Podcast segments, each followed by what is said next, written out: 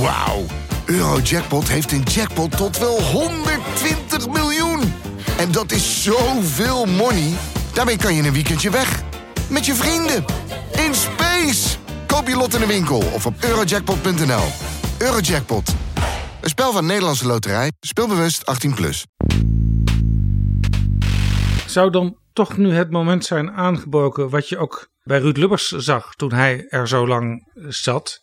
Ja, op een gegeven moment is ook het elastiekje is, is op. Heeft Mark Rutte er nog wel zin in?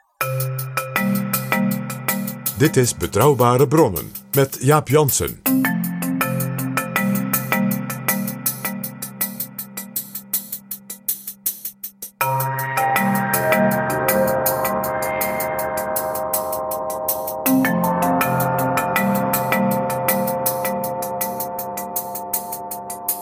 Hallo, welkom in Betrouwbare Bronnen, aflevering 277. En welkom ook PG. Dag Jaap. PG, lang geleden hadden wij aflevering 52. En daarin was de gast Gerry van der List.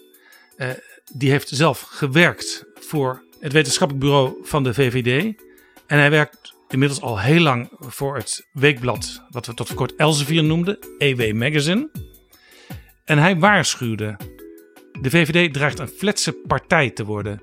Eh, en hij zei: wacht Rutte het lot van Balkenende. Dus een aantal keren het heel goed doen electoraal. En uiteindelijk zakt alles als een plumpudding in elkaar. En is die partij in feite nergens meer. En duurt het heel lang voordat zo'n partij weer opnieuw wordt opgebouwd. Ja, de, de lezers van mijn boek Tand destijds die eh, kunnen daarvan meezingen. Want dat gaat over die onverwachte toch, ja, mag je zeggen, onverwachte opgang van Balkenende. Die het ook zo lang volhield. En toen ineens, jij gebruikt het woord plumpudding. Ja, die volstrekte collapse. Waar het CDA eigenlijk ook sindsdien, 2010, niet meer echt overheen gekomen is. Daarna waren nog natuurlijk de, de verkiezingen. En toen uh, werd de VVD opnieuw de grootste partij. En het leek heel wat.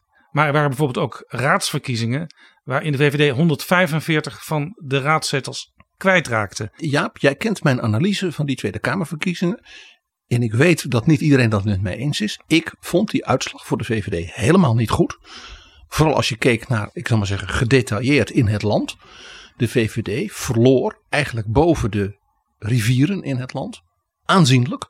Zeker ook in zeg maar, kenmerkende VVD-gemeenten. Een Bloemendaal, een Wassenaar en dergelijke. En wat de Duits noemen de Hoogburgen. En de VVD bleef dus op het aantal zetels wat ze had met dan een, een, een restzetel ja, uh, gelukje.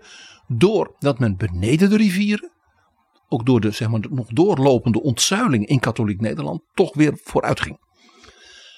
Maar dat was dus geen kanserbonus, zoals de Duitsers dat noemen. Het was ook niet dat Nederland zei, die Rutte heeft ons door die pandemie toch knap geleid en de zaak bij elkaar gehouden. En dat gaan we belonen. Dus ik heb altijd gezegd, ik vond die uitslag voor de VVD helemaal geen grote overwinning.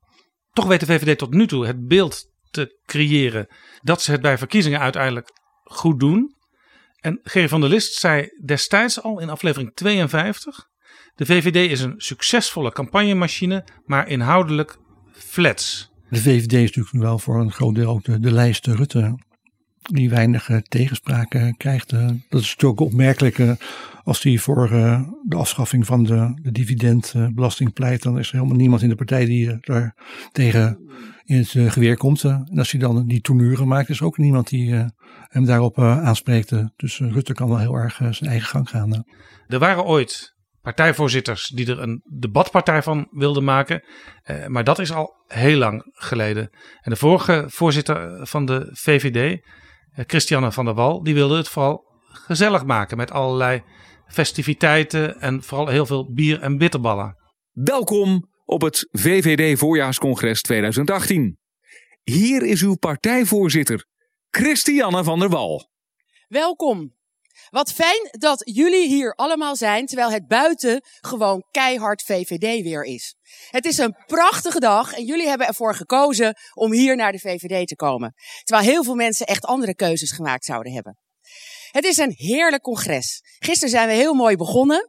De sfeer is ook heel erg goed. En volgens mij is dat hartstikke logisch. Want het gaat gewoon heel erg goed met de VVD. Jaar op jaar scoren wij. PG, laten we het over de VVD gaan hebben in deze aflevering. Het is weer eens tijd, om het zo te zeggen, na dus die, nou ja, waarschuwende en misschien zelfs wel profetische analyse van Gerry van der List van toen. En natuurlijk de edities nadien ook in en rond de kabinetsformatie over wat wij ooit een keer noemden de eenzaamste man op het Binnenhof. Ja, Mark, Rutte, als de eenzaamste man op het Binnenhof. En waar staat de VVD nu? Eh, ook in het licht van nou ja, de voorbije dagen en dat opmerkelijke partijcongres.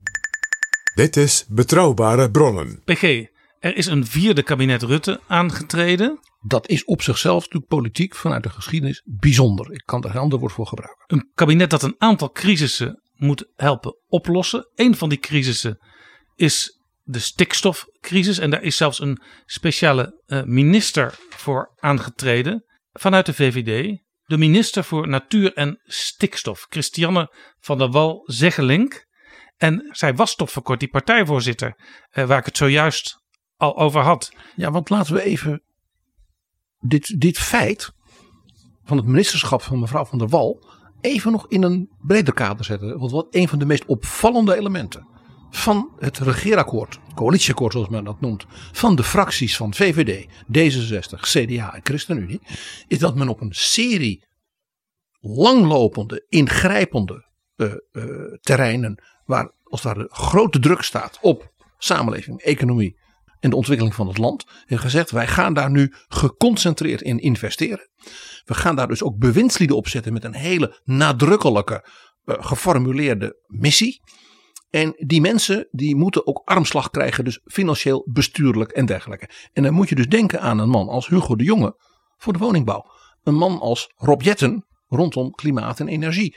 Denk ook even aan mevrouw Ollongren met de inval door Rusland in Oekraïne. Met een enorme klus en ook extra financiën voor de defensie.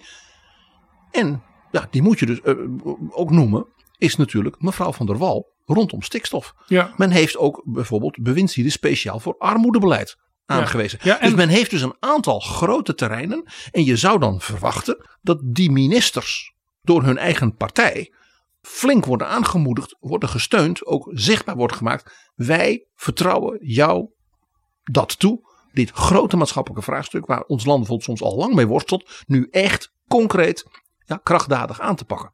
Ja, de VVD had een congres afgelopen zaterdag. En dat was de dag nadat Christiane van der Wal haar stikstofagenda had gepresenteerd. Dus wat had de minister gedaan? Die had dus dat belangrijke thema, ja, waarin de regering in dat coalitieakkoord dus heel nadrukkelijk een soort ambitie was geformuleerd. Had, hadden gezegd, daar gaan we geld voor reserveren, veel geld. En we zetten daar speciaal een minister op. Die minister zegt dan na een aantal maanden, ik werk als het ware dat coalitieakkoord uit in grote lijnen met lange termijn ambities, zodat je ook weet waar dat geld dan in de komende jaren prioritair naartoe zou gaan. En ja, dat zou je toch verwachten, Jaap. Tenminste, dat, maar ja, ik ben misschien met de oude politiek.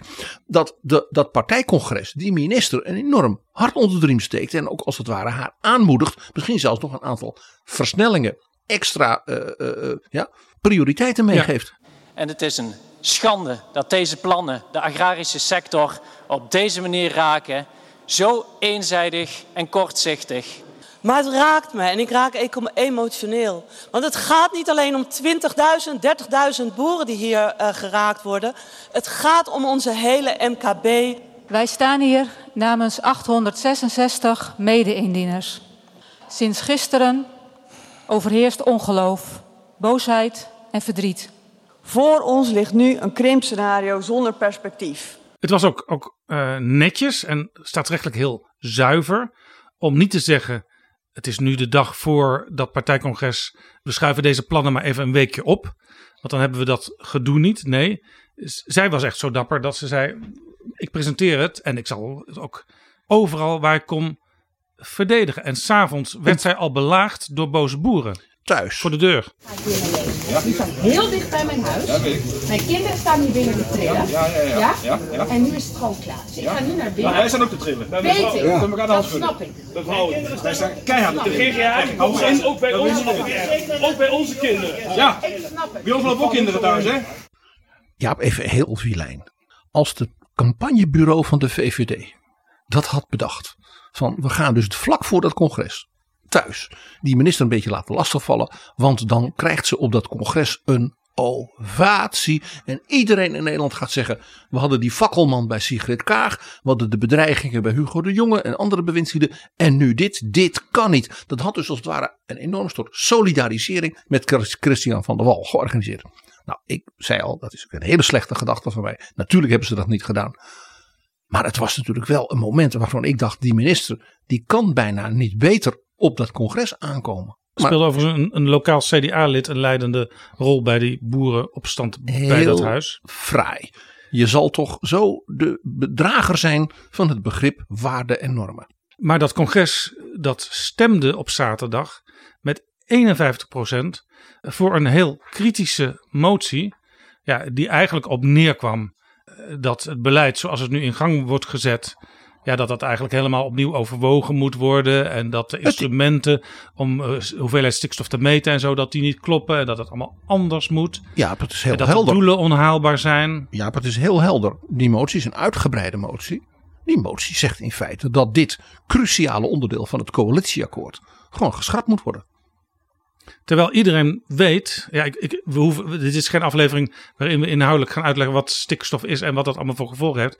Maar iedereen weet dat in ieder geval bestuurlijk en politiek dit een probleem is dat met eh, grote snelheid moet worden opgelost. Dat anders Nederland voor een groot deel vastloopt. Dan kan er niet meer gebouwd worden bijvoorbeeld. Nou, laten we er niet omheen draaien. We hebben onder het vorige kabinet dat hiermee geconfronteerd werd. Ook door een rechterlijke uitspraak. Van men heeft dit veel te lang laten lopen. Men is veel te makkelijk geweest, te langmoedig geweest. Is dat kabinet werd toen onder andere geconfronteerd met hele boze mensen van bijvoorbeeld Bouwend Nederland. Die zeiden van als wij die huizen die zo nodig zijn moeten, willen, kunnen bouwen. Ja, dan zal u dit moeten oplossen. Want wij als bouwbedrijven kunnen dat niet. Ja, en ik vond het is dus niet alleen maar een kwestie, want dat wordt nogal eens gedaan, alsof dit iets is tegen boeren of dat soort dingen. Het gaat hier dus ook gewoon om het oplossen van de woningcrisis in Nederland. Het oplossen ook van een aantal knelpunten in onze infrastructuur. Niet alleen verkeer, maar denk ook aan water. En, en, en, en de, dus ook de effecten van de klimaatverandering. Ja, ik vond het hoogst merkwaardig dat de boze boeren riepen. Ja, dit wordt nu allemaal plotseling over ons uitgestort. Terwijl het in feite gaat over iets wat al twintig jaar speelt. En er wordt niets over hen uitgestort bovendien. Want wat doet nou mevrouw van der Wal in dat stuk? Die zegt: Ik heb dus die lange termijn ambitie zo noodzakelijk, ook hè, met rechtelijke uitspraken, uit het coalitieakkoord nu vertaald in een aanpak voor de komende jaren. Waarbij we dus gaan kijken, ter plekke, met de provincies allereerst, wat verstandig is, wat kan, wat niet kan. Dus er wordt helemaal niets over die mensen uitgestort. Nee, ik zag in de Telegraaf een opiniestuk van het oud-Kamerlid Thijs Udo. En die was ook boos, want die zei ja, het huis van Torbekke, dat, uh, dat stort in op deze manier. Ja, en kan, daar dus niet, en kan niet meer gerestaureerd worden bedoeld, vanwege de stikstof. Torbekke heeft ooit bedoeld uh, dat je naast het landelijke niveau ook het provinciale en het lokale niveau hebben. En die hebben allemaal in het geheel hun eigen taak. Nou, dat is nou eigenlijk precies het beleid van Christiane van der Wal. Die zegt, we hebben een groot probleem. Uh, dit is waar we naartoe moeten. En de provincies krijgen een jaar de tijd om in te vullen hoe zij dat gaan aanpakken. Ter nou, plekke. Dus met de lokale. Precies, ik denk dat Torbekke. Uh, die zou de liberale vonk, denk ik, aan uh, Christiane van der Wal overhandigen. als hij nou ja, dit zou meemaken. Ik ga het nog gekker zeggen. We hebben het onlangs over Torbekke gehad in Betrouwbare Bronnen. Wat was nou een van zijn meest opvallende dingen. die misschien niet iedereen op het netvlies had waar we het over hadden? Dat was zijn lange termijnvisie voor de infrastructuur van Nederland.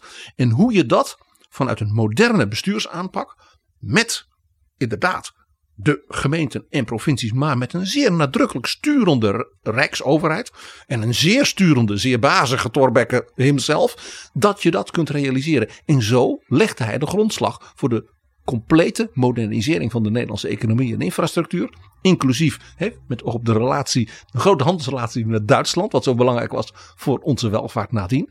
Door de spoorwegen, de kanalen, de havens en dergelijke. Wat mevrouw van der Wal doet, de wijze waarop ze dit doet. Helder, krachtig uit, uitlijnen van die afspraken in het coalitieakkoord. En daarmee de regio en de sectoren gezamenlijk met sturing vanuit de overheid aan het werk zetten, is zo Torbekkiaans als maar kan. Zullen we even heel kort naar Christiane van der Wal luisteren? Uh, want zij verdient denk ik deze week toch wel een pluim. Heel vaak zie je van nou, als de uitkomst uh, niet de oplossing is die iemand wenst, dan gaan we de wetenschap maar ontkennen of de berekeningen ontkennen. En ik vind dat echt een gevaarlijk pad. Maar ik vind wel dat we ook echt, en dat gaan we komend jaar ook doen, echt werkelijk in al die gebieden gaan kijken en gaan inzoomen. Ja, wat is hier nou echt aan de hand? Precies. Wat is de staat van de natuur? Dat we echt per gebied kijken. Nou, wat is hier nou de bodem? Wat is hier uh, de waterkwaliteit? Hoe ziet het natuurgebied eruit? En uh, nou ja, op die manier gaan kijken. Ja, het, eigenlijk puzzeltje leggen, zoals ik dat dan, uh, dan uh, noem. Maar dat wil ik vooral samen met de boeren doen. En uh, de provincies willen daar ook rol in pakken. Mm -hmm. dat hebben ze ook gisteren aangegeven op het congres. Ook de VVD'ers in de provincies. Om daar nou ja, samen invulling aan te geven komend jaar. Ze weet dat het moeilijk is. Ze weet ook hoe, dat haar achterban er zeer veel bezwaren tegen heeft. maar toch staat zij dapper het ingezette beleid te verdedigen. Het is, en, en, ja, maar ja, ja daarvoor en, en is zij, zij gevraagd En zij minister brengt te worden. het ook niet, wat je wel eens uh, in het verleden hebt gezien bij sommige ministers, alsof zij een soort burgemeester in oorlogstijd is die iets moet uitvoeren wat ze liever niet wil. Uh, nee, ze zegt ja, we hebben een probleem en we gaan dat samen oplossen. En ik geef de provincies daar ook de ruimte voor. Ja, maar mevrouw van der Wal is gevraagd minister te worden voor een geheel nieuwe portefeuille. Want men heeft die speciaal voor haar bedacht. Om, het even zo te zeggen. Om, vanuit het idee, dit probleem kun je niet aanpakken door een minister op die en een staatssecretaris daar en nog een commissie. Nee, je hebt iemand nodig die gewoon gaat zeggen, ik ga dit doen. Dus het zou ook heel merkwaardig zijn als mevrouw van der Wal nu ineens zou gaan zeggen, ja, het is allemaal zo moeilijk en ik heb het er zo moeilijk mee en ik vind het allemaal zo naar. Wat ik zo merkwaardig vind, is dat men dus niet uh, uh, op dat partijcongres, nota bene de oud-partijvoorzitter, He, dus zij zat al die congressen voor. Ze was daar geliefd en populair. Dat men niet zei van wij gaan eens even laten zien aan de rest van Nederland hoe goed het is dat zij dit doet. Ja. Dat is politiek bedrijven. Dat je zegt als wij zo'n minister het veld insturen met een rotglus. Ja, ik, Jaap, jij, jij, jij, hoort natuurlijk hier ook nog een andere PG. De rechterhand van ooit minister Deetman van Onderwijs. Die de meest verschrikkelijke bezuinigingen moest doen. Ja, in de salarissen, in, in wat al niet. Maar wel de absoluut noodzakelijke modernisering van de wetgeving in het onderwijs. De nieuwe ontwikkeling van het onderwijs moest doorzetten. En Ja, dan en moet je dus als partij en ook als minister-president heel duidelijk maken dat je zo iemand steunt. Ja. Dat je hem ook aanmoedigt. En Deetman, het is niet omdat het jouw oud eh, basis, zou ik maar zeggen. Eh Deetman heeft inderdaad een aantal wetten gemaakt die ook heel lang en nog steeds een fundament zijn voor het bestaande onderwijssysteem. Nou ja, we hadden een tijdje geleden, en dan stop ik ermee, een editie eh, over de geschiedenis van het hoger beroepsonderwijs. Hè, samen met de Hogeschool Leiden. En een van de dingen die ze opviel, dat iedereen zei, ja, dat wat er toen gebeurd is, is een van die bijzondere dingen in onze politieke geschiedenis, namelijk een onderwijsvernieuwing die volledig is geslaagd. En dat moest dus gebeuren in zeer moeizame, omstreden, ook financieel ellendige perioden. Ja. Dus, dus zo'n mevrouw van der Wal moet je in zo'n situatie als nu, als partij, en ik zeg er ook bij als minister-president, vol steunen. Dat ja, moet je noemt, zien. jij noemt de- Mark Rutte, die was natuurlijk ook op dat congres, maar die zat eigenlijk eh, vooral op de eerste rij. Dat mag. Eh, hij zou nog, nog iets gaan doen met rondlopen met een microfoon door de zaal en mensen vragen laten stellen en dan zou hij antwoord geven. Maar dat is toch een hele rare rol voor een minister-president. Omdat. Als een soort, soort, soort, ja, ik haal even als een van de spreekstalmeesters wat leuke vragen op. Dat is toch merkwaardig. Ja, en, en hij zei uiteindelijk aan het eind van het congres: ja, doordat we zo'n goede discussie hadden gehad over de, de stikstof. En die discussie die moeten we ook verder voeren, zei hij.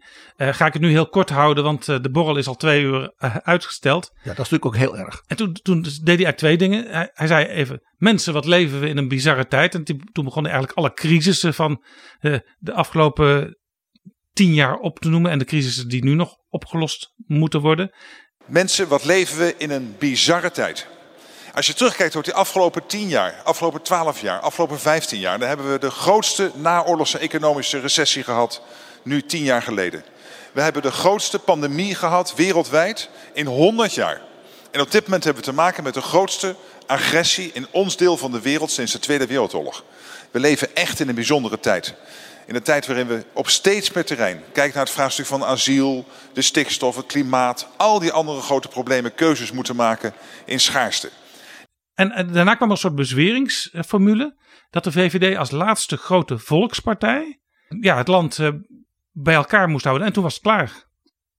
Eh, Misschien even een heel klein stukje luisteren. Ja. Omdat dit nog de laatste partij is waar hoog en laag opgeleid, stad en platteland, arm en rijk met elkaar verbonden zijn. En dat betekent dat die discussies dus ook hier moeten plaatsvinden. We waren bij de laatste Tweede Kamerverkiezingen de grootste partij onder de laagste inkomens. Dat laat zien dat wij dat moeten doen. En ik ben ongelooflijk blij mee dat het vandaag kon. Zeker in een wereld die zo instabiel is als nu. En ook een Nederlands politiek landschap wat heel complex is met zoveel partijen.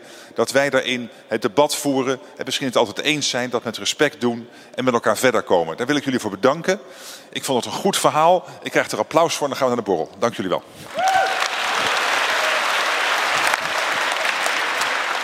De partij, zegt hij, die de meeste laagste, mensen uit de laagste inkomensgroepen vertegenwoordigt. Dat was natuurlijk gewoon een wat valse grap richting de tegelijkertijd congresserende PvdA en GroenLinks.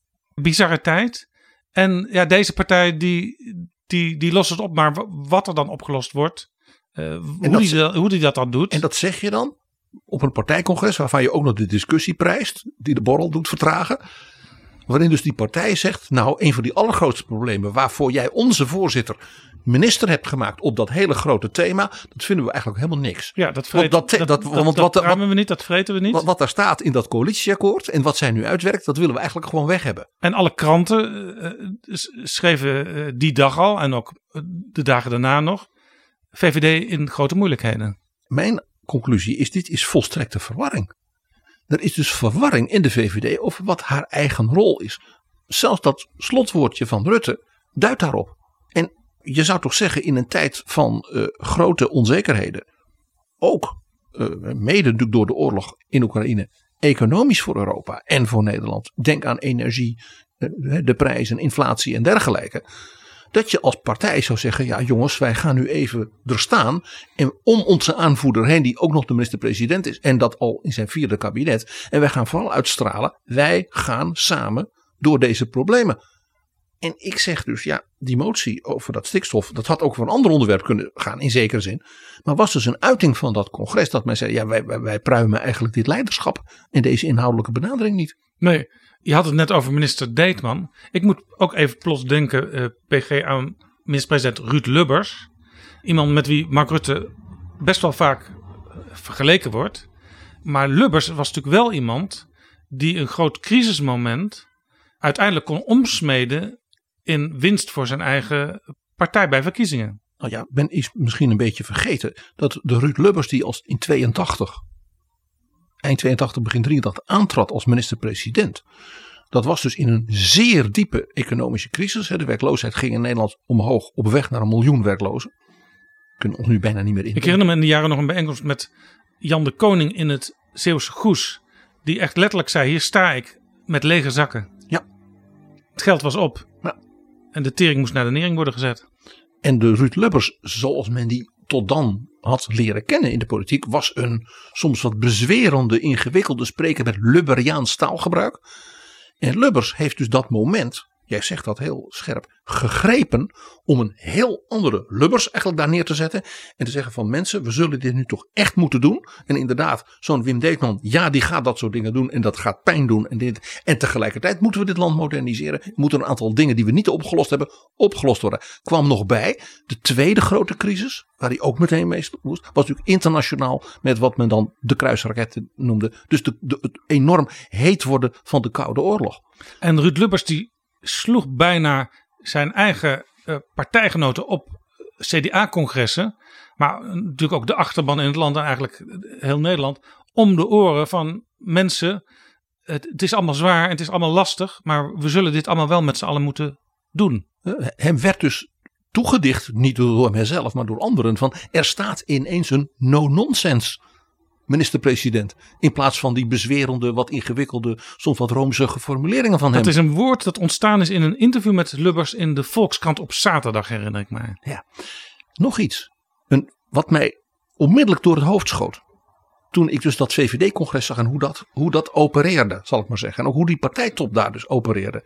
Ik kan mij nog levendig herinneren dat toen Lubbers uh, zo optrad en dus die hele serie zware bezuinigingen op alle terreinen kwamen. En extra geld voor defensie vanwege dus de, het ophitsen van de Koude Oorlog. Je zou zeggen, hm, herkenbaar. Ja? Dat toen de partij top van het CDA, het partijbureau, met name de secretaris van het bestuur, Ries Smits, die ook campagneleider was, een heel belangrijk man achter de schermen in het CDA, dat die zei: Wij zullen nu in het land met alle bewindslieden een serie bijeenkomsten moeten doen, want de mensen moeten hun zorgen, hun kritiek, hun onthutstheid ook Hè, zoals je op dat congres ook zag. Met die boeren en zo. Die moeten ze kunnen vertellen. En die bewindslieden moeten de plicht zien. Dat ze die burgers dat ook uitleggen. Hoe naar het ook is. Maar vertel het de mensen. Want we moeten de mensen dan wel als volwassen partijgenoten kunnen Ja. meenemen. En er is dus een hele serie van dat soort bijeenkomsten geweest. En ja, ik ging dan met mijn toenmalige baas, de minister van Onderwijs, mee. En die kreeg natuurlijk de volle laag daarvan al die over het algemeen zeer eigenwijze en van hun eigen wijsheid natuurlijk zeer overtuigde onderwijsmensen. En Jan de Koning was daar, Onno Ruding was daar, ze waren er allemaal. En dat was dus een hele andere manier van, ik mag ook zeggen, ja, als het ware na je eigen achterban, je geestverwant optreden, als wat we in dit weekend zagen bij de VVD. Ja, eh, daar trad ook de fractievoorzitter op, Sophie Hermans. En die had een speech waarin ze het steeds had over de VVD staat voor doordachte, geïnspireerde oplossingen. Prachtig. Want er speelt heel veel dat vraagt om doordachte en geïnspireerde oplossingen. En wat waren die? Nou, ze noemden een aantal maatschappelijke problemen, bijvoorbeeld eh, de migratie. U kunt blijven rekenen op een realistisch rechtse partij, zei ze daarbij. En u kunt blijven rekenen op een realistische rechtse partij. Maar eh, tegelijkertijd eh, vertelde ze ook het publiek, haar leden, dat eh, Nederland steeds aanloopt tegen landen die eh, de asielzoekers die hier uiteindelijk geen plaats krijgen, niet willen terugnemen. Dus daar, daar zag ik geen doordachte geïnspireerde oplossing. Ook nog geen rechtsrealisme, blijkbaar. Ze had het ook over de middenklasse.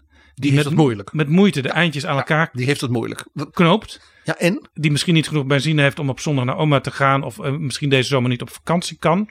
Ze had het over ondernemers die na corona nu met een oorlogsprobleem zitten. Minder inkomsten en misschien wel faillissementen. De VVD Nou, moet de druk van de ketel halen, zei ze. Mag ik daar nog een opmerking bij maken? Het, het meeste wat je hoort van ondernemers is dat ze zeggen: waar vind ik de goede, prima opgeleide mensen, jonge mensen en ook anderen voor de hele veel werk wat ons te doen staat? Ja, en, en de, de, de, tandartsassistenten, zei Hermans, die betaalt meer belasting eh, dan de pandjesbaas. De slager meer dan de briefbusfirma.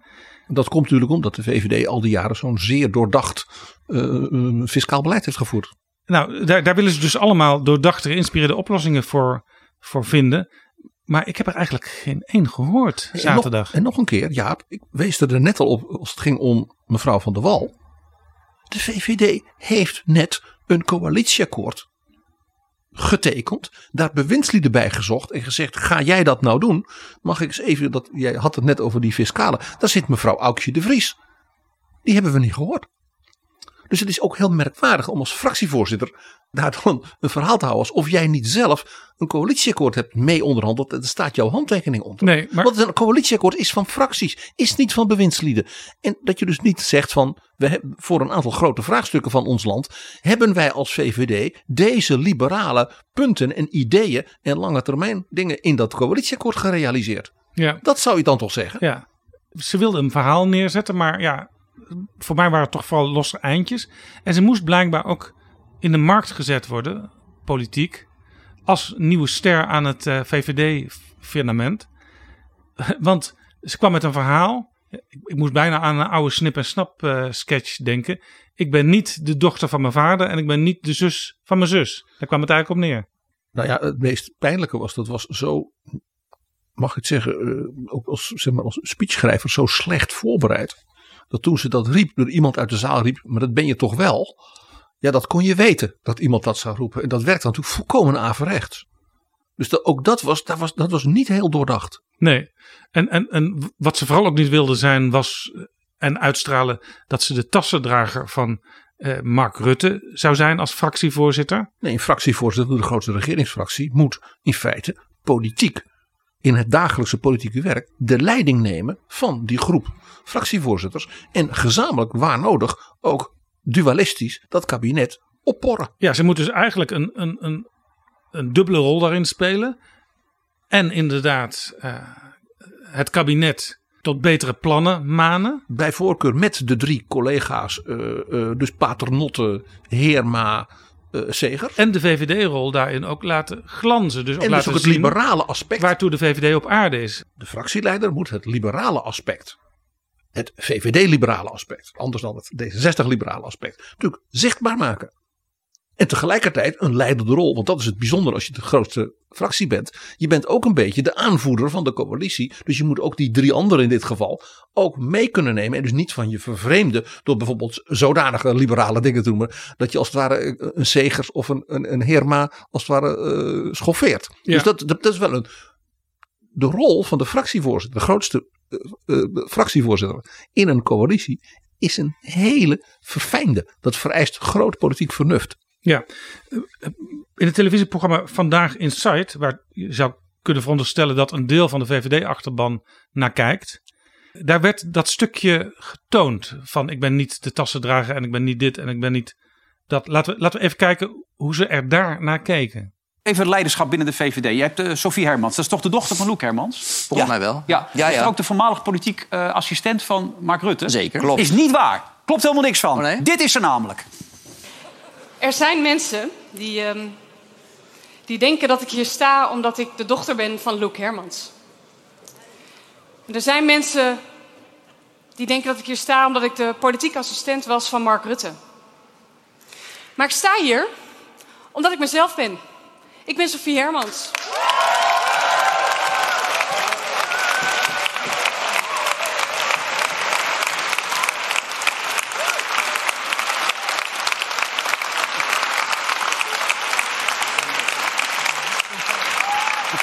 Dit is helemaal ingestudeerd. Ja, ja. Goed dit, hè?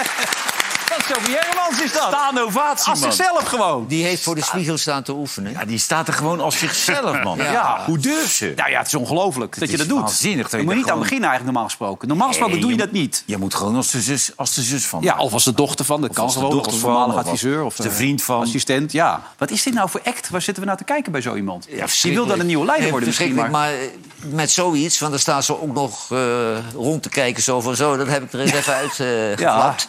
Maar je spelt jezelf een profet van onvermogen op als je dit doet. Want dit is zo gekunsteld, zo ingestudeerd, ja. zo over nagedacht. Nou, in feite, PG, werd Sophie Hermans hier gewoon uitgelachen door uh, de mensen van Vandaag Inside. Ja, laat ik daar nou niet te veel over zeggen, ja. En het treurige was, woensdag in het debat over de voorjaarsnota ging Geert Wilders ermee aan de haal. Want die dacht natuurlijk, wat ze daar kunnen bij dat programma, hè, dat zo fijn besnaard altijd is, dat kan ik ook in Slans vergaderzaal. En dat is wel eigenlijk, en dat is toch eigenlijk heel treurig, ja. Voorzitter, ik zou via u aan mevrouw Hermans willen vragen hoe lang zij nog de ambitie heeft om de assistent tassendrager van de heer Rutte te blijven. Mevrouw Hermans. Voorzitter, um, precies dit Precies dit was voor mij de reden om hier zaterdag iets over te zeggen. En ik ga er eigenlijk verder ook niet meer op in. Ik sta hier, ik merk echt dat het me raakt. Ik weet niet of dat u wat uitmaakt. Ja. Meneer Wilders, zullen we het gewoon het debat, hier. Ja, zullen we het debat gewoon voeren op de inhoud? Nou, voorzitter, ja? ik ga voor mijn eigen woorden. Ik heb niets verkeerds gezegd. Ik mag een vraag stellen. Uh, we kunnen het ervan vinden of niet. Ja. Voorzitter, ik zou dit graag um, nader willen toelichten. Kijk, um, ik vind u nog steeds... Wacht, meneer Wilders, mevrouw Hermans wil erop reageren. Ze is zover dat ze wil op reageren. Gaat u gang. Ik wil hier heel graag op reageren. Ik sta hier als fractievoorzitter van de VVD. Met de allerbeste intenties om de goede dingen voor Nederland te doen. En ik dat is wie ik ben. Dat doe ik met een open blik en een open vizier. En ja, dan kunnen we van mening verschillen, meneer Klaver. Mevrouw Kuiken, mevrouw Marijnissen. Ook met u, meneer Wilders. En ik vind het prima om op de inhoud dat debat te voeren. Maar alsjeblieft op de inhoud en niet op de persoon.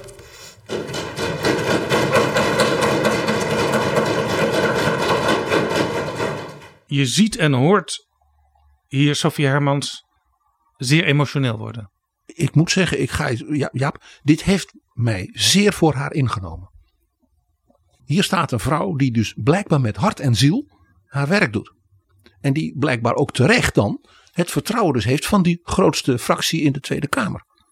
En daar mag je ook wel een beetje respect voor hebben. En de wijze waarop eh, nou ja, dit gebeurt is natuurlijk nou ja, dit is, nog erger dan respectloos. En ik vind dus de wijze waarop ze zichzelf even herpakte. En toen zei: Ik doe dit, ja. eh, nou ja, zoals ik zeg, met hart en ziel. Want zo, zo, zo kwam dat er ook uit. Dat vind ik zeer indrukwekkend. Ja. En ik had eigenlijk de Kamervoorzitter ook, ik heb het al eens vaker gezegd, geloof ik, wat steviger willen horen hier. PG, we gaan zo dieper in op de VVD, maar we moeten het eerst even hebben over een van onze adverteerders. Vertel, over wie? Over Nextory, een app voor luisterboeken en e-books. Oh ja, dat, dat, dat is al een keer langsgekomen, ja. Ja, in de vorige aflevering. En het fijne is, ze hebben boeken die je zowel kunt beluisteren als lezen. En dat kun je blijkbaar om en om doen. Wat je wil. Ze hebben meer dan 350.000 boeken in die app. Echt alle soorten. Nou Jaap, jij hebt mij een linkje gestuurd en toen zei jij, jij bent zo'n boekengek, ga er maar eens doorheen. En dat ben ik gaan doen. En ik kwam dus echt een aantal hele interessante dingen tegen. Zal ik er eens een noemen? Ja. De Stone Lectures van Abraham Kuyper. Oh, dat zijn die toespraken die hij in de VS hield. Hij is toen naar de Verenigde Staten gegaan om daar rond te kijken en te zien wat hij daar voor de politiek in Nederland van kon leren. Heel bijzonder. De eerste Nederlandse politicus, later premier, die dat is gaan doen. Ja, daar hebben we het alles over gehad in Betrouwbare Bronnen. Over dat bijzondere leven van hem als alpinist, maar ook als wereldreiziger.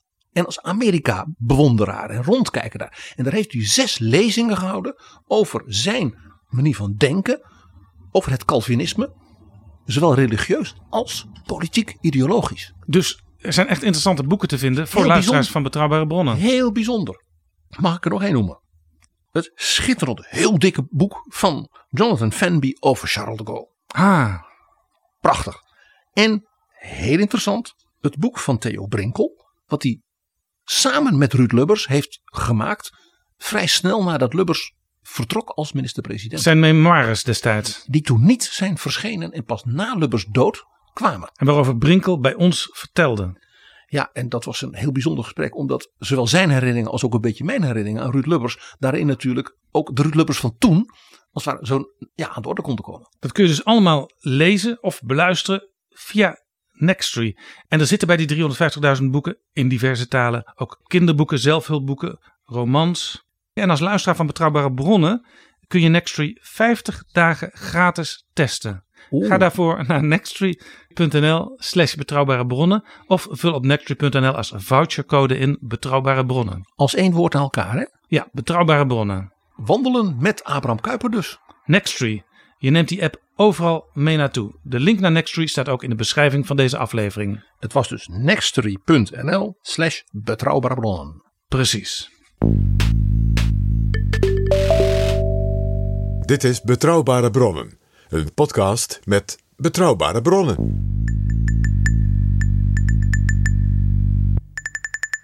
PG, op 2 augustus is Mark Rutte de langstzittende premier van Nederland. Dan is hij 4310 dagen minister-president. Een dag langer dan Ruud Lubbers. En dat is wel toch even een moment om bij stil te staan. Ja, ruim 12 jaar nu minister-president.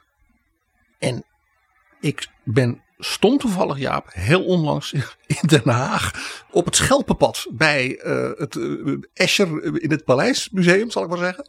Eh, Mark Rutte tegengekomen. We, we, we liepen eigenlijk alle twee wat ja, na te denken en we botsten bijna op elkaar terwijl hij met zijn fiets liep. Op het Schelpenpad, dus niet op een geitenpaadje. Nee, niet op een geitenpad, op het Schelpenpad, Jaap. En het was gewoon als van oudsher altijd even hartelijk, zoals hij is.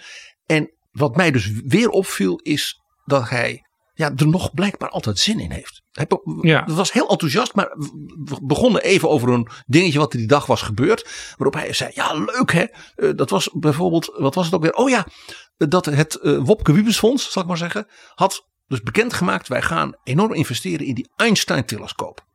Nou, dat was een ding waarvan Rutte wist dat ik daar al jaren van droomde. Dus ik zei wat. En Rutte, zijn enthousiasme van. Ja, dat is toch geweldig dat we dat nou gaan doen. Ja, ik weet hoe, hoe enthousiast jij daar al jaren over was. Ja, Mark Rutte als character verandert door de jaren heen niet zoveel. Nee, maar, maar dat enthousiasme van hem. En ook het, uh, zeggen, dat hij wordt enthousiast als hij van een ander hoort van. Dit vond ik nou. Ja, dat, dat, doe, dat spreekt mij aan. eh, het, het positivisme, zal ik maar zeggen, in Mark Rutte. En toch zit hij er al twaalf jaar. Ja, en, dus, premier. ja en, en, en dat is toch. Ik, nou, ik wil dat gewoon even hier gezegd hebben. Ik vind dat wel heel bijzonder. Maar PG, jij zei al dat het jou opviel dat op dat VVD-congres, en mij viel dat ook op, eh, Mark Rutte eigenlijk helemaal niet eh, op het podium sprong om Christiane van der Wal een hart onder de riem te steken en juist als voorbeeld van dat krachtig beleid te prijzen. En als voorbeeld van wij als grootste partij VVD, hè, wat hij wel even aanstipte, wij staan voor het aanpakken van echte problemen. En u kunt dus op ons rekenen en ik reken een beetje op uw congres. Dat had het congres misschien ook een beetje kunnen toespreken. eh, In de zin van zeg, wat doen jullie nu? Is dit nou waarom je een krachtig liberaal bewind in dit land voert? Dacht ik niet. Dat zei hij dus niet. Nee, nee het gekke is, het, het lijkt er een beetje op dat eh, de VVD vooral een, een machtspartij is geworden. Op zichzelf mag dat hè, in een democratie. Ja, maar het is dan ook wel handig als je macht kunt verknopen met inhoud. Ja, en wat we hier nu zien, Jaap, ik ga misschien wat ge, ge, opdeugende, gedurfde gedachten op tafel leggen. Hier wreekt zich dat de VVD na 10, 11 jaar Mark Rutte als premier ervoor koos, heel bewust, om een verkiezingscampagne te voeren een jaar geleden, die over van alles ging, maar niet over de inhoud van met zoveel jaar Mark Rutte, weet u nu qua inhoud waar u met ons en met hem aan toe bent. En voor de komende jaren gaan we dit doen. Deze drie, vier grote, lange termijn ambities. En dat doen wij op de manier zoals u dat van ons en van Mark Rutte gewend bent. U kunt dus op ons rekenen daarin. Het enige wat ze deden was een verhaal van hij moet premier blijven. Ja, en vervolgens in de kabinetsformatie. Ja, ging, ging zich dat meteen wreken. Ja, want daar uh, zag je dat Mark Rutte zelf het initiatief niet nam. Hij bleef afwachtend. Nee, hij, hij, raakte het meteen kwijt met dank aan mevrouw Ollongren en mevrouw Jorritsma. Ja, dat hoeven we nu niet allemaal. Nee, maar ik bedoel, dat hoeven we niet te herhalen. Maar dat was, hij was dus dat punt. Het enige punt waar de VVD als het ware campagne mee had gevoerd. He, dus niet met liberaal leiderschap. Mark Rutte in Nederland, ook in Europa. Dit zijn de lange termijn dingen. Steun ons daarin. Het enige punt wat ze hadden was, hij moet premier blijven. Waarom? Ja, omdat hij premier moet blijven. Ja. En precies dat ging meteen mis. En vervolgens ging Sofie Hermans, die we al eerder noemden, samen met Rob Jetten van D66 uh, een soort conceptprogramma schrijven. Ja, maar dat duurde even. Toen ging, was het informateur Hamer die zei: Zullen we nou eens vanuit de inhoud? Dus toen heeft ze die twee jonge liberalen ja, bij elkaar gezet en daar kwam ook iets uit. En uiteindelijk uh, zijn de commentaren op het coalitieakkoord van, van links tot rechts, bijvoorbeeld de Telegraaf, dat Sigrid Kaag van D66 er het meeste heeft uitgesleept inhoudelijk. Maar dat was in niet. Maar dat was op zich vanuit die voorgeschiedenis niet zo vreemd. Want dat stuk van Rob Jette en Sophie Hermans van mevrouw Hamer, bij mevrouw Hamer. Ja, daar lag dus een gezamenlijk coherent verhaal. Een soort regeerakkoord op hoofdlijnen. Het was ook duidelijk dat zowel uh, Wopke Hoekstra als ook de Partij van de Arbeid en GroenLinks iets hadden van, nou, hier willen we best over praten. En wat gebeurt er? Mark Rutte die tikt het meteen weg. En mevrouw Hamers bleef in dat opzicht ook inhoudelijk dus met lege handen achter. Ja, dat was ook een heel merkwaardig moment in het Kamerdebat daarover. Heel merkwaardig. En dat, dus, maar dat dus, was wel logisch. Maar het had dus politieke logica. Als je dus een campagne ingaat. En als het naar de kiezer gaat met de mededeling. We gaan het niet te veel over inhoud hebben. Nee. We hebben eigenlijk geen plannen. Maar u wil, we willen wel dat u zorgt dat ik premier blijf. Ja, en tegelijkertijd leek er ook een soort hunkering bij, bij andere partijen. Om wel echt uh, een, een soort campagne te voeren. Maar die campagne die vond eigenlijk pas plaats na de verkiezingen. Dat was het tweede zo merkwaardige. Kijk, de VVD-campagne met we gaan het niet te veel over de inhoud hebben. Uh, het was zelfs in die brief van Rutte uh, aan de kiezers zoiets van we moeten vooral niet te veel controversies hebben. We moeten vooral veel samen doen en dat wil ik wel leiden. Ja, dan wordt het dus lastig om na die verkiezingen ineens op inhoud controversies te gaan creëren. Wat dus wel gebeurde.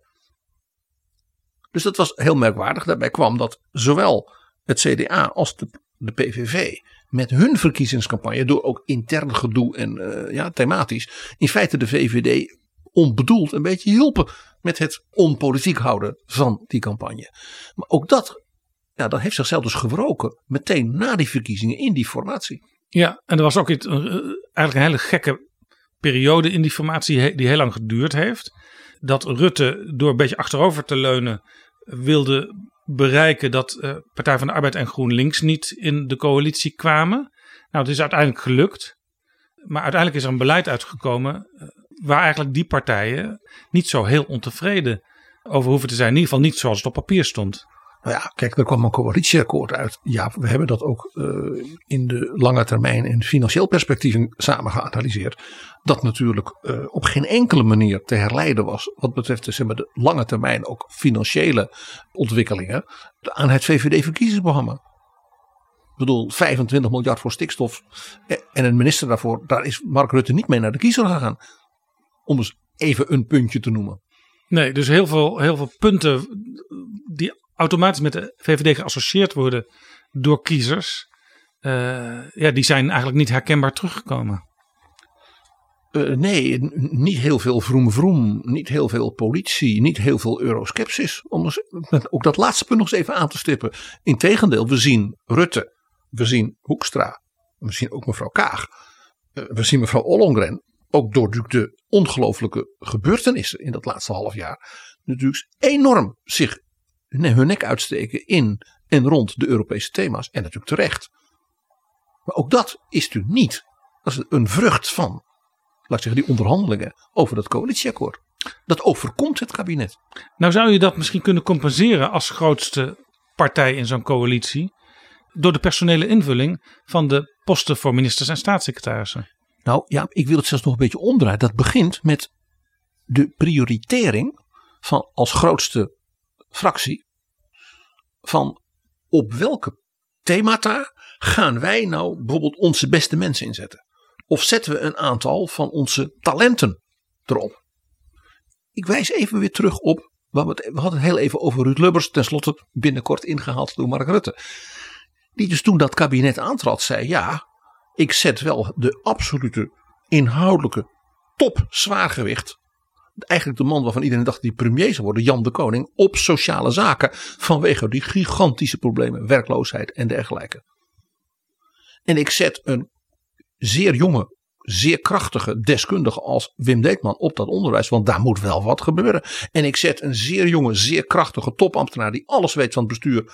Als Elko Brinkman op dat terrein van welzijn en dergelijke. En, nou, dus die koos heel bewust ja, bij die formatie voor die thema's. Waarvan hij zei, ja, daar zullen we als in dit geval CDA zeer krachtige mensen moeten opzetten. Waarmee we dus ons ook inhoudelijk, let op, inhoudelijk profileren in hoe we dat doen. Ja.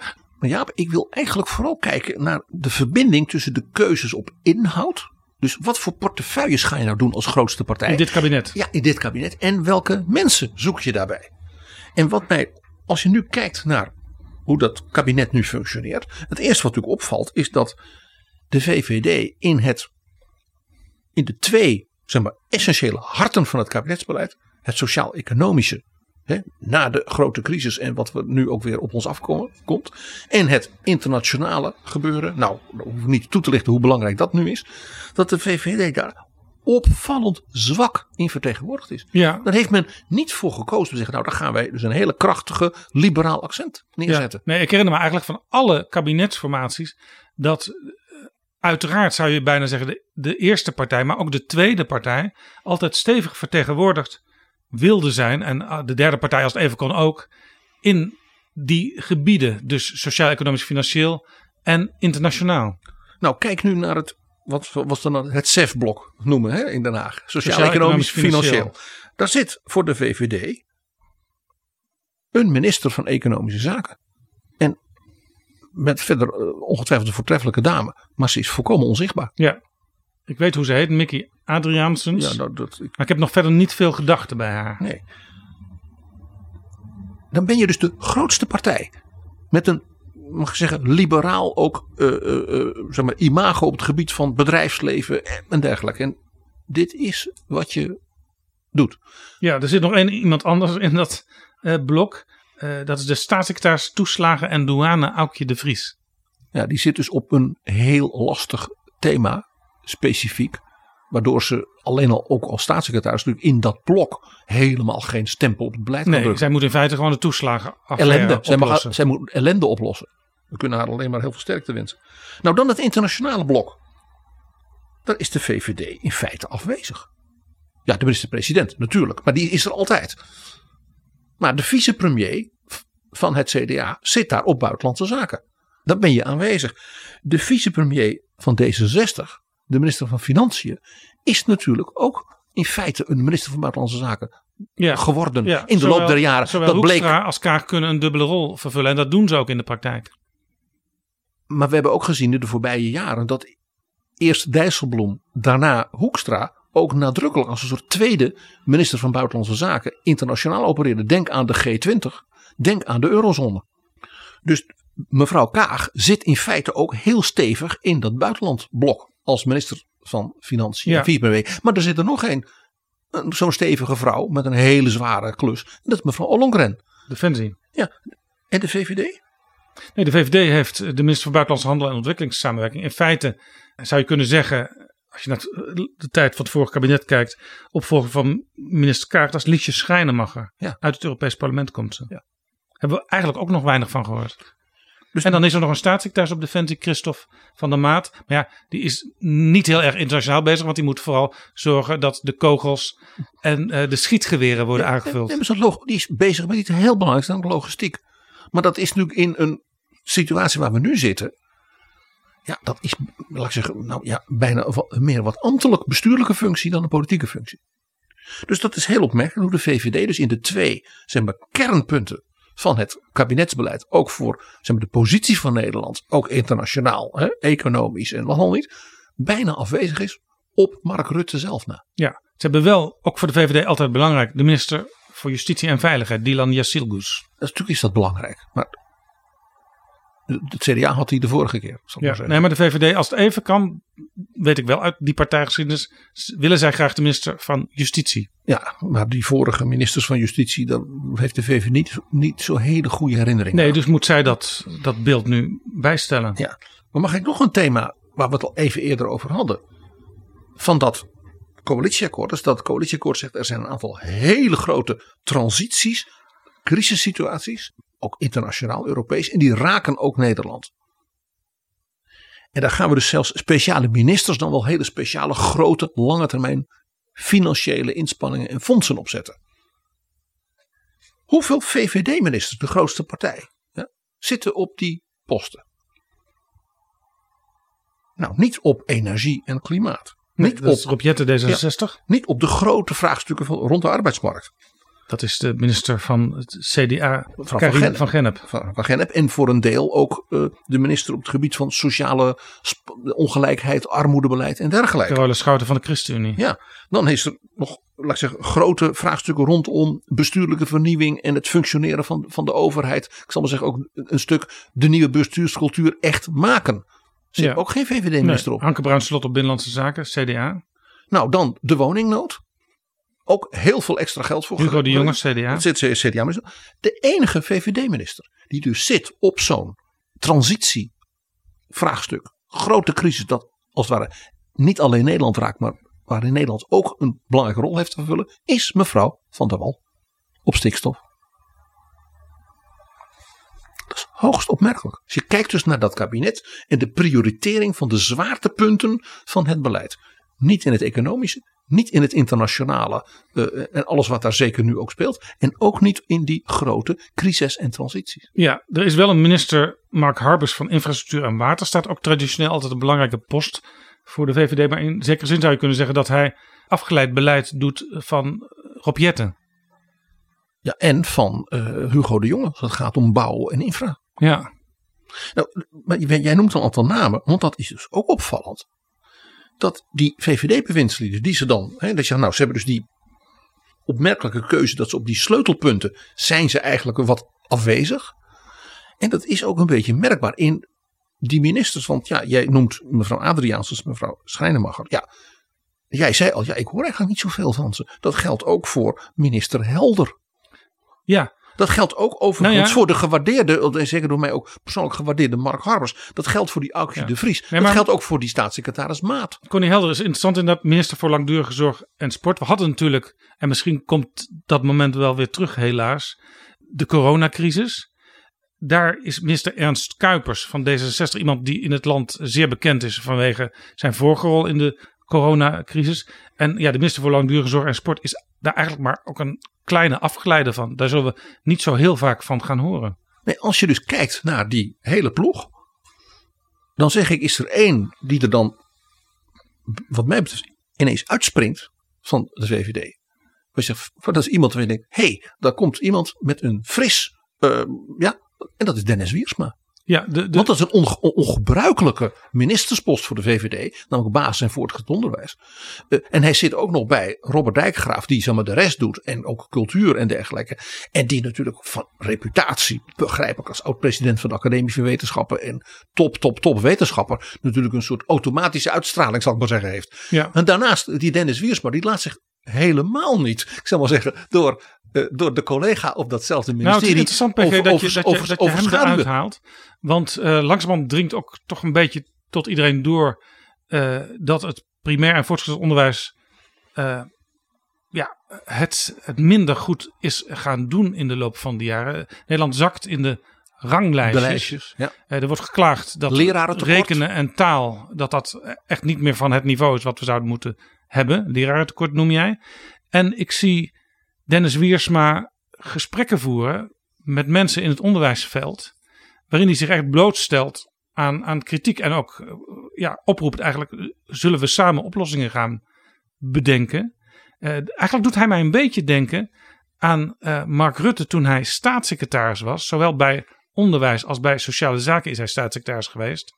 Waar hij ook het land inging om ja, gewoon de dingen bij de naam te noemen. Eh, Jaap, ik heb staatssecretaris Rutte op hoger onderwijs als opvolger van de toen zo zeer smadelijk en ongelukkig gesneuvelde Annette Nijs. Natuurlijk van zeer dichtbij meegemaakt in mijn rol als hoofdredacteur van Science Guide.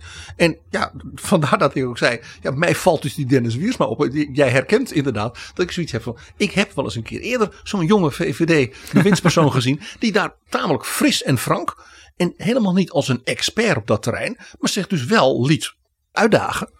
En ook af en toe zelf, eh, Rutte die zelfs af en toe een beetje, ondeugend eh, eh, de studenten zat op te porren en dergelijke. En, en ja, dat, dat maakte indruk. Ja, en hij is een ontzettend vrolijke jongen. Ik ken hem al al, al een aantal jaren. En hij houdt dat ook vol. Het is niet zo, hij is minister geworden en het wordt ineens allemaal stijf en moeilijk en zo.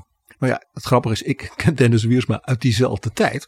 Want ja, ik leerde Dennis Wiersma kennen als de vicevoorzitter van de Landelijke Studentenvakbond.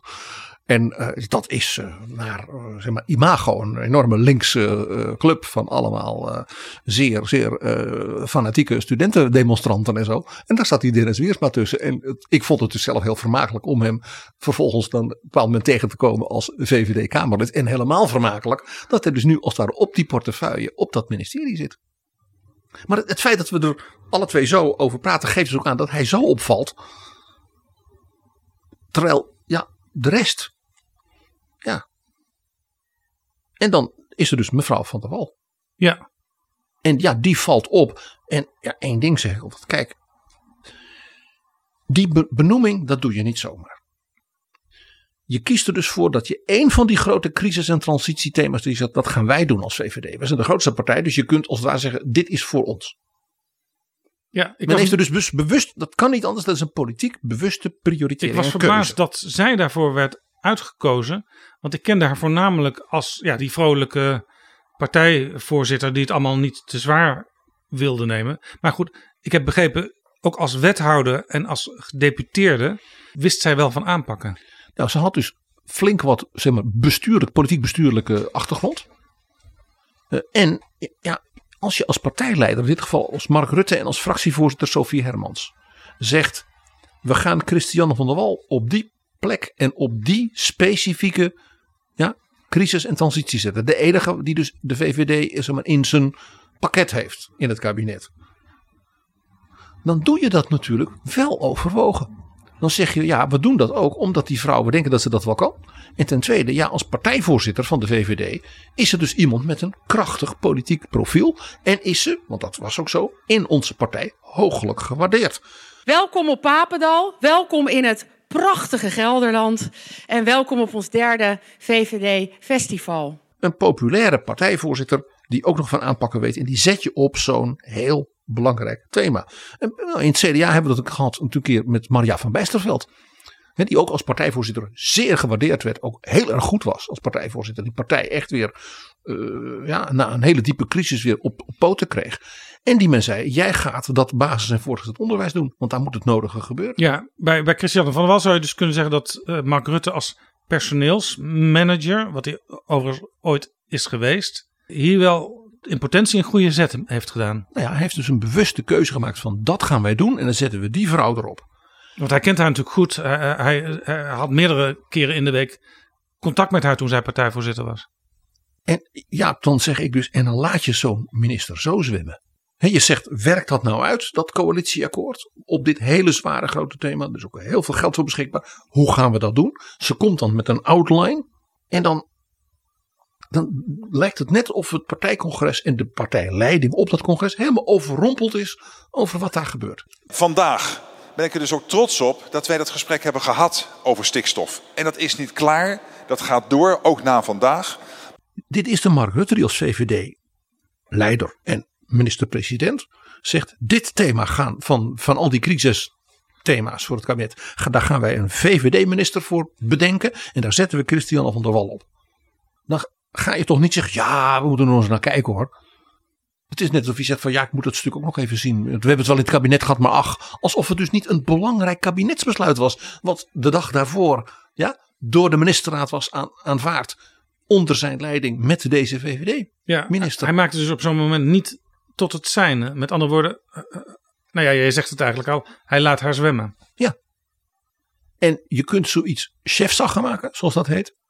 Op een manier dat iedereen weet, die mevrouw van der Wal, die heeft dus de minister-president en daarmee de partijleiding volledig achter zich.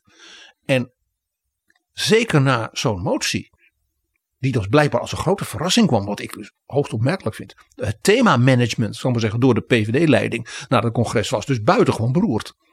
Ja, dan ga je toch niet zeggen, nou ja, we gaan er wel eens naar kijken. Hoe, hoe kun je als minister nu met dus 51% van je eigen partijcongres die zegt, nou we willen dit helemaal niet. Stond wel in het coalitieakkoord, maar doe maar weg. Ja? En dan zeg je tegen de minister, ga nu naar die provincies toe.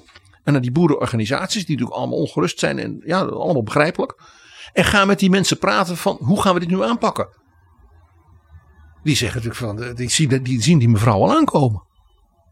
Dan moet je als minister-president, dan moet je dat natuurlijk niet, dat moet je voorkomen dat dat gebeurt. Een van de vrienden van de show, Koen Roymans, die stuurde mij een berichtje.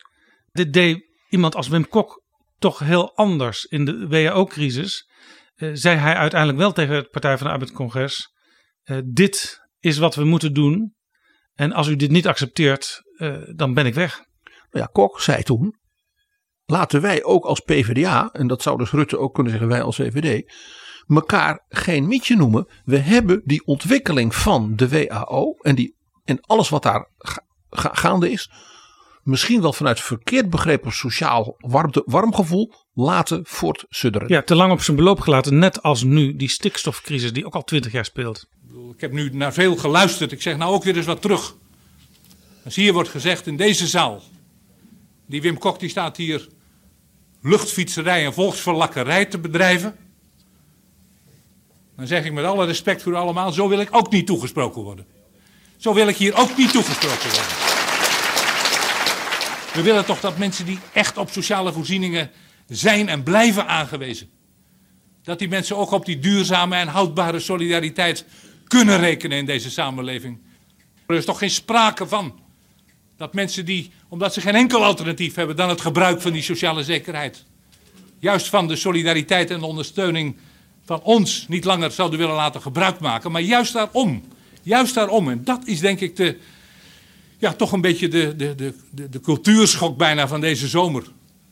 Juist daarom, juist daarom moeten we zorgen. Dat we het onnodige gebruik van de arbeidsongeschiktheid kunnen gaan verminderen. En Wim Kok zei dus in feite tegen zijn eigen congres dat Ruud Lubbers zei: Nederland is ziek.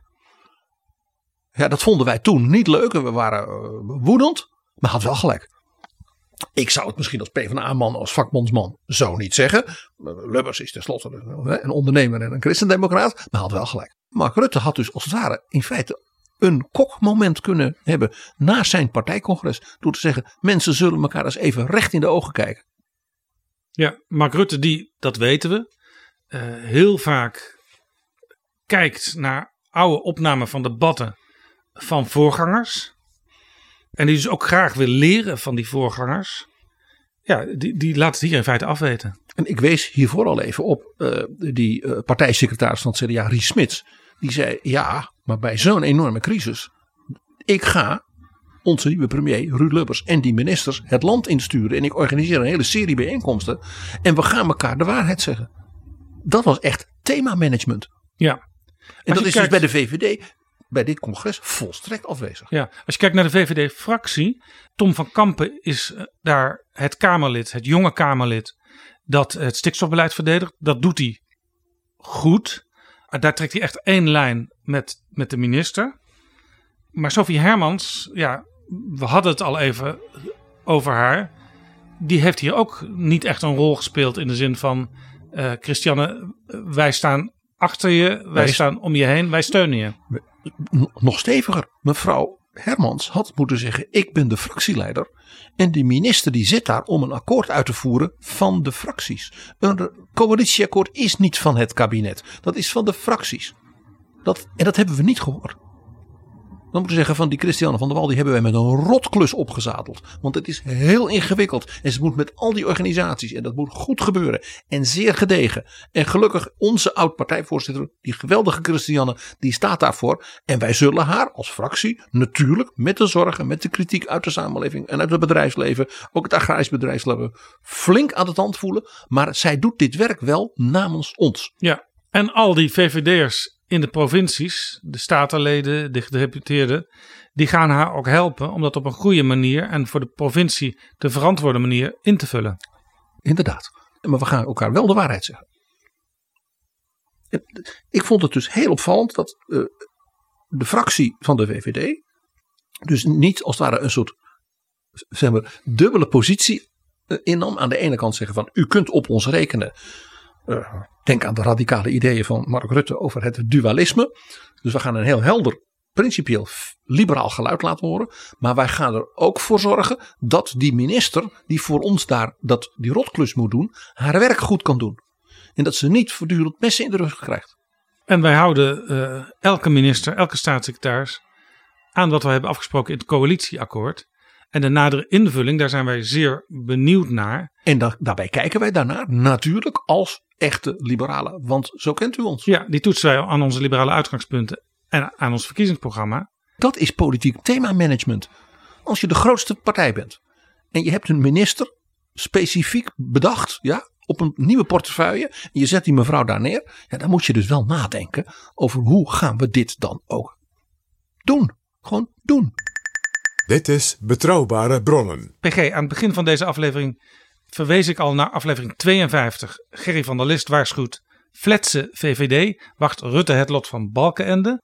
En we hebben natuurlijk ook nog aflevering 180 gehad. Mark Rutte, de eenzaamste man van het Binnenhof. Dat was naar aanleiding van dat 1 april debat waarin hij, nou het leek er bijna op alsof hij zou worden weggestuurd. En nu zijn we in deze fase terechtgekomen. Het kabinet uh, zit er een klein half jaar. En de vraag is opnieuw, waar is de VVD en hoe is het met Mark Rutte? Het, het is echt buitengewoon interessant, om geen andere woorden te we, we, hadden het even dus net over mevrouw van der Wal. Dus een grote, noodzakelijke, complexe transitie. Dat geldt ook voor energie. Dat geldt voor, nou, we hebben, dat geldt ook voor in Europa. Hè, volledige herdefinitie van de Europese Unie. Mede door de oorlog in Oekraïne. Door de angst en wanhoop van de mensen in Oekraïne. Maar denk ook aan Moldova. Denk ook aan de Baltische landen. Uh, het feit dat Finland zegt ik wil wel bij de NATO. Doe je ook niet omdat je dat leuk vindt. Nou. Eh, Ik heb de minister-president nog, nog niet gehoord. Nou, ik hoor hem wel. Maar ik hoor hem vooral een beetje terughoudend zijn. Als het gaat om de wensen van al die landen. Eh, Voorop natuurlijk Oekraïne. Maar ik heb hem, ik heb Geef ons een duidelijk perspectief op toekomstig EU-lidmaatschap. Maar daar heb je niet alleen dat je denkt, ja, maar dat geldt voor eigenlijk al die andere onderwerpen ook. Dat vind ik dus echt heel opvallend. Ja, we zien De Mark Rutte wel De irritatie. zijn collega's ontvangen. Ja. Eh, Scholz, de Duitse bondskanselier, was op bezoek. Hij heeft permanent contact met Macron. Eh, eh, afgelopen dagen waren ook nog een aantal NAVO-leden op bezoek in het Katshuis. Dus het gebeurt allemaal wel. Alleen we horen Rutte niet met passie over die onderwerpen spreken op het moment. Het bezoek van meneer Stoltenberg met een serie landen uit de NATO. Die als het ware een soort coördinatiegroep blijkbaar vormen en zeiden daarvoor komen we naar Den Haag. Dan dacht ik, daar had ik iets van willen horen van de minister-president en misschien ook van mevrouw Ollongren. Maar goed, om te beginnen de minister-president. Wat doen wij hier? Hoe staat Nederland hierin? De irritatie van president Zelensky. We hebben zijn speech eh, al een keer eh, eh, beschouwd. Ja, voordat hij in Nederland sprak, hebben we al zijn voorgaande speeches besproken. Zijn irritatie, want dat was het toch. Van ja, maar laat nou horen ja, wat je wil. En heel onlangs ook in een Ja, tweet. bijna wanhopig klinkt het Mark in die tekst van hem. Ja, hij spreekt hem persoonlijk aan. Jij weet dat. Ja, ook in een aantal van zijn tweets sin- sindsdien dat hij zegt: Ik heb opnieuw weer regelmatig contact met Mark Rutte. Maar dat zijn hele cool geformuleerde. Ik heb hem nog eens benadrukt. Ik heb nog eens toegelicht. Als je dan kijkt hoe hij bijvoorbeeld bij andere regeringsleiders. Hoe die, hoe die dat formuleert. Dat is een hele andere, hele andere toon. Dus er klinkt een soort een lichte irritatie van ik krijg nooit echt hoogte van wat Nederland nou wil. Nee, hij krijgt en ook een die- zekere, en een zekere argwaan ook bij. Ja, hij ziet natuurlijk steeds die, die, die, die vrolijke, positieve, optimistische Rutte die hem een hart onder de riem steekt. Maar ja, als het gesprek dan afgelopen is, dan denkt hij, wat koop ik hier eigenlijk voor? Ja, letterlijk ook. Dus dan hoort hij, en dat geeft hij ook al door aan, van, ik meldde ook van zijn contact met Hoekstra, dat, zei dat Nederland all out, ja, eh, zijn best wil doen voor, eh, ik zal maar zeggen, natuurlijk de rol van Den Haag als stad van vrede en recht met internationale tribunalen. Wat voor Oekraïne essentieel is. Dat vinden ze ook heel belangrijk. Is moreel van belang, politiek van belang. Dat Nederland daar natuurlijk voorop loopt, tuurlijk. Maar ja, er zit ook iets in. Ja, hallo. Dat is natuurlijk ook weer, zegt wat onaardig. Er zijn ook de Hollanders die zien natuurlijk weer business voor eh, waar ze in Nederland toch al goed in Ja. zijn. En dus, dus, dus, dus dat, dat is heel opvallend, die irritatie. Maar ja, ook, eh, jij zegt Scholz eh, is op bezoek en hij is op bezoek geweest. Het duo, wat we natuurlijk al die jaren, in feite, eh, nou ja, 10, 12 jaar hebben gehad. Hè, een beetje licht spottend Moetie en Mark. Ja, dat is weg. Zeker vanuit Nederland bekeken. Dat is gewoon weg. Ja. Je, er is tussen die twee absoluut niet diezelfde, we trekken samen op en we zeggen als het nodig is elkaar de waarheid. Je ziet Rutte veel meer nu ook met Macron. Ja. Ja, want ja, hij heeft ook waarschijnlijk het gevoel van ik weet niet precies wat ik aan die Scholz heb. Dat maakt dus zijn positie ook lastiger. En dat maakt, misschien is dat ook een reden waarom hij, waarom hij dus gewoon minder ziet en minder hoort. Omdat hij ook misschien onzeker is. Ja. En hij mist misschien toch ook een klein beetje Boris Johnson, die er niet meer is. En waar Nederland soms een klein beetje een bemiddelende rol ook tussen de Britten en de rest kon spelen. Ja, en nog iets wat ook weg is, is natuurlijk de, eh, ik zal maar zeggen, de, de Hanseliga van financiën. Maar waar Rutte bij de Europese toppen ook altijd ja, hè, als aanvoerder ook, ook weer optrad. Die is natuurlijk door het gedoe toen met de Frugal Four, dat was allemaal een restje van die eh Hanseliga ook verdwenen. Ja. Dus die, die, die rol is Rutte een beetje kwijt. Lijkt het wel. Nou, dan hadden we ook, ook een heel opvallend punt. Ik zeg van, waar is dus Rutte? Hij ging op tournee met mevrouw Kaag langs de oppositiefracties. Ja, ook een handige manier om dat nieuwe Kamergebouw beter te leren kennen. Ja, zo daarom. En het idee was, we gaan misschien ook wel dat hele begrotingsproces nieuw inrichten. En dan kan dus als het ware het overleg intensiever worden, inhoudelijker. En die oppositiefracties kunnen dus ook meedoen. En natuurlijk was dat mede ook met op het perspectief voor steun in de Eerste Kamer. Die tournee, ja, dat was toch gewoon een sof. Het bleek dat daar helemaal geen plan achter zat. Dus wat deden die oppositiefracties? Voor een deel zeiden ze nou u hoeft niet te komen. En voor een deel gingen ze dan maar gewoon hun eigen verkiezingsprogramma voorlezen. Ja, Ja, nou ja, letterlijk eh, zeiden Rutte en Kaag, wij komen ideeën ophalen. Maar dat illustreert in feite eh, wat we al eerder be- bespraken. Uit zichzelf heeft Rutte blijkbaar weinig ideeën. hier wreekt zich dus inderdaad ook hier dus weer die keuze bij die verkiezingscampagne. Ja, Rutte ging eigenlijk bij die oppositiefracties doen wat hij blijkbaar op dat congres zou doen met een microfoon langslopen en z- zeggen het is. Als een soort gespreksleider type. Ja, dat is gespreksleiderschap, maar geen leiderschap. Nou, dan de radicale ideeën, weet je nog? Misschien wil Rutte Paul Witteman opvolgen. Ja. De radicale ideeën, weet je nog, Jaap? Vraagstukken rond macht eh, en tegenmacht. Vraagstukken rond eh, bestuurscultuur. En als het om dat soort dingen gaat, daar heb ik zelf radicale ideeën over, die ik ook zal inbrengen in die formatie. En mijn partij heeft er radicale ideeën over. We zouden veel meer debat krijgen op de inhoud, ook in de ministerraad. Dat heeft hij in elk geval wel beloofd. Ja. Er waren weinig echte harde plannen van Rutte om de bestuurscultuur te vernieuwen. Maar dit idee heeft hij wel gepromoot. Meer debat op alle niveaus. Nou, ik heb het nog niet gezien, bijvoorbeeld over stikstof. Nou ja, misschien eh, waren die twee uur debat op het VVD-congres een eerste teken hiervan.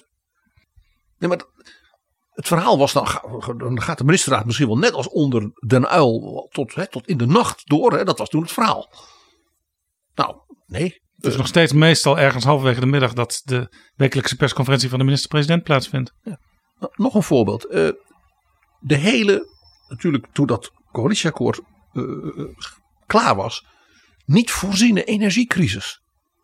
Waar we als het ware ook door die oorlog in verzeild zijn geraakt. Je zou verwachten dat eh, Mark Rutte en Rob Jetten daar even stevig ook met elkaar de discussie zoeken, ook politiek, van en wat gaan we nu doen?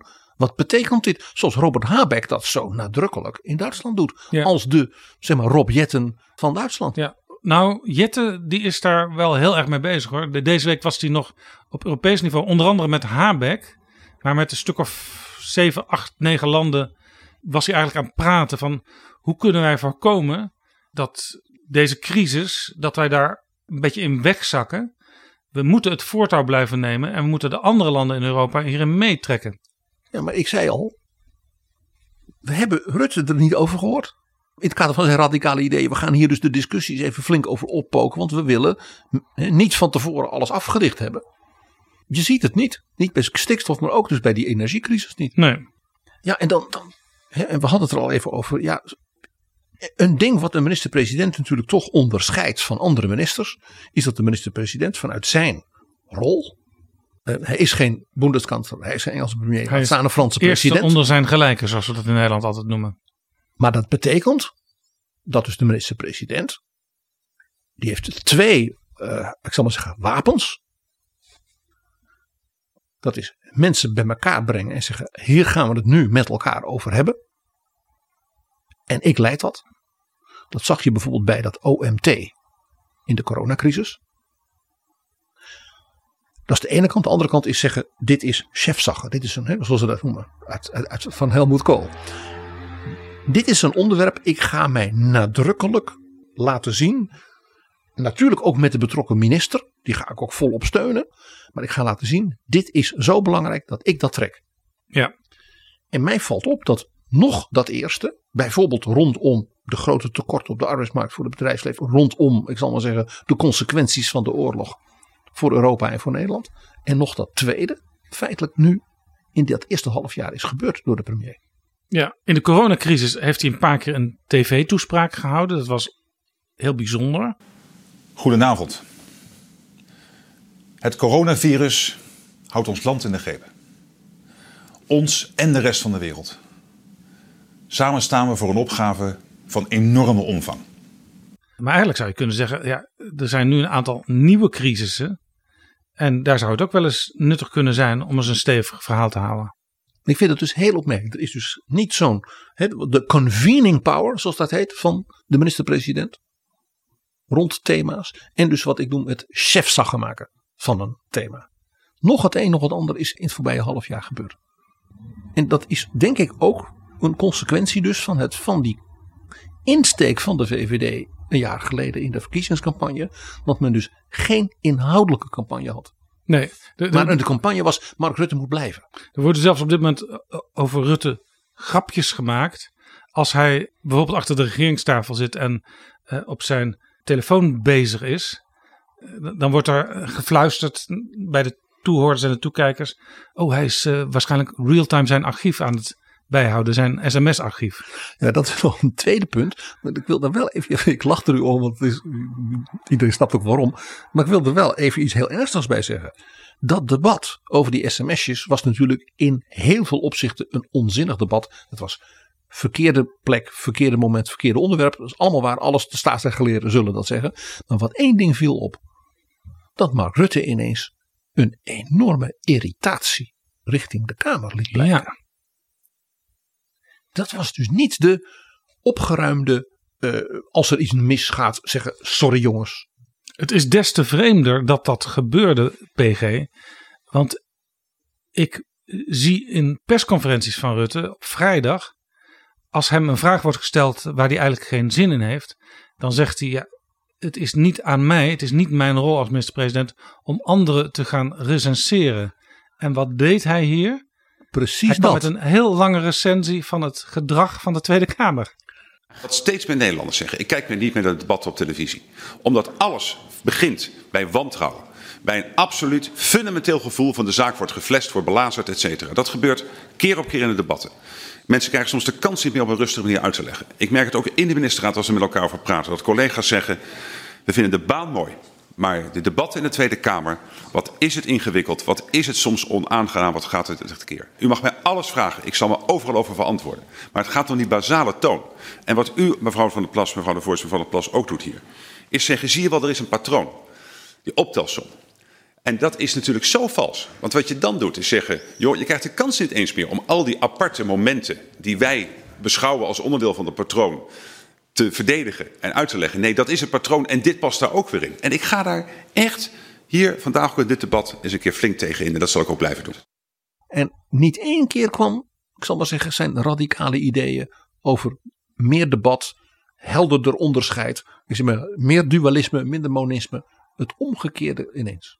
Nog Heel los, nog los van het feit dat ik vanuit de inhoud gezien op een aantal punten die Mark Rutte aanstipte, dacht van het is best goed dat hij, dat hij de Kamer een keer een spiegel voorhoudt. Maar het was merkwaardig dat hij het zo deed en op dat moment en bij die gelegenheid. Ja, het kwam uit, uit zware irritatie voort. En dat was heel ongebruikelijk. En het was niet, zeg maar, wel overwogen en constructief. En, en dus dan komt bij mij de vraag van, heeft Mark Rutte er nog wel zin in? Die irritatie vond ik dus zo ongebruikelijk.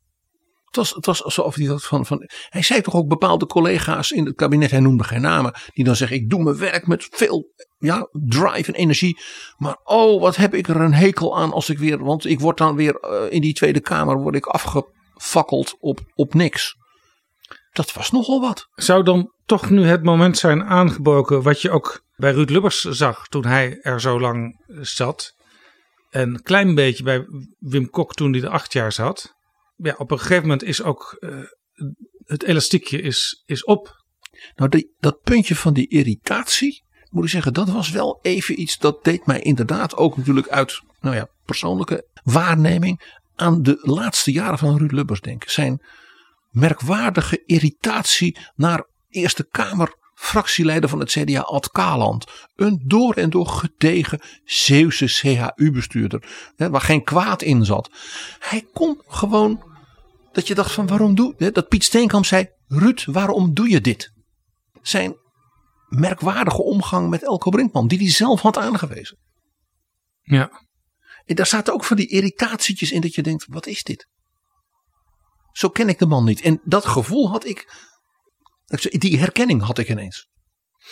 Maar dat is wel omineus, PG. Want er wordt wel eens gezegd, uh, Rutte ontkent dat overigens altijd, uh, dat Rutte als historicus het extra interessant en leuk en belangrijk zou vinden om de langstzittende premier ooit te zijn en dus Lubbers te overklassen. Maar als, als dit werkelijk zo is en als we daar meer van gaan zien, ja, dan zou het ook wel zo kunnen zijn dat na 2 augustus er niet zoveel reden meer is voor Rutte om nog uh, langer te blijven. Ja, ja, eh, dat weet ik niet. Eh, Kijk, er er, zit, er is één ding wat op een hele rare manier natuurlijk de overlevingskansen van zijn vierde kabinet en dus zijn aanblijven tot in lengte van jaren natuurlijk versterkt. Hij is eigenlijk in een heel comfortabele positie politiek. En dat is de VVD ook. Want zowel het CDA als D66 staan natuurlijk er dramatisch voor in de politieke peilingen. Hebben ook intern de nodige eh, perikelen. Dus die zullen wel uitkijken. Ja. Om het op nieuwe verkiezingen te laten uitkomen. En dat geldt ook voor de Partij van de Arbeid en GroenLinks. Ten eerste hebben die ook interne perikelen. Die hebben beide een zeer zwakke verkiezingsuitslag bij de Tweede Kamer gehad een jaar geleden. Hebben in de coalitieonderhandelingen uiteindelijk het niet handig gedaan. Ze hadden natuurlijk best in die coalitie gekund. En zijn nu toch vooral met zichzelf bezig. Vanwege een verkiezing van een deel van het parlement waarvan ze alle twee altijd hebben gezegd dat willen we afschaffen. Namelijk de Eerste Kamer. Kortom, door de zwakte van de andere partijen, zowel in de coalitie als in de oppositie, hoeft Rutte, in ieder geval ook zijn partij, de VVD, eh, vooralsnog niet te vrezen dat er snel iets aan die machtspositie verandert. En de tragiek is dat we dus eigenlijk dat eerste half jaar wat analyserend zeggen. De VVD lijkt niet te weten wat ze ermee wil. Vanuit de inhoud. Want men heeft dus die comfortabele positie, maar wat wil men ermee? Men laat zich verrassen, nota bene, op een partijcongres door de eigen achterban. En met dat grote vraagteken eindigen we deze aflevering. Dankjewel, PG.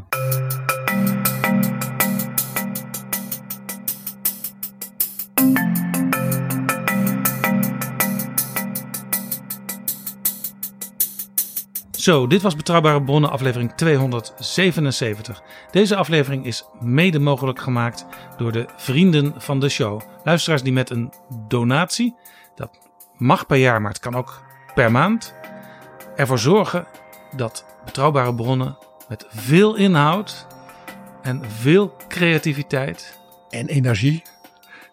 En enthousiasme. En opera. met nieuwe afleveringen zal komen. Wil jij ook vriend worden? Ga dan naar vriendvandeshow.nl slash bb. Tot volgende keer. Betrouwbare bronnen wordt gemaakt door Jaap Jansen in samenwerking met dag en nacht.nl.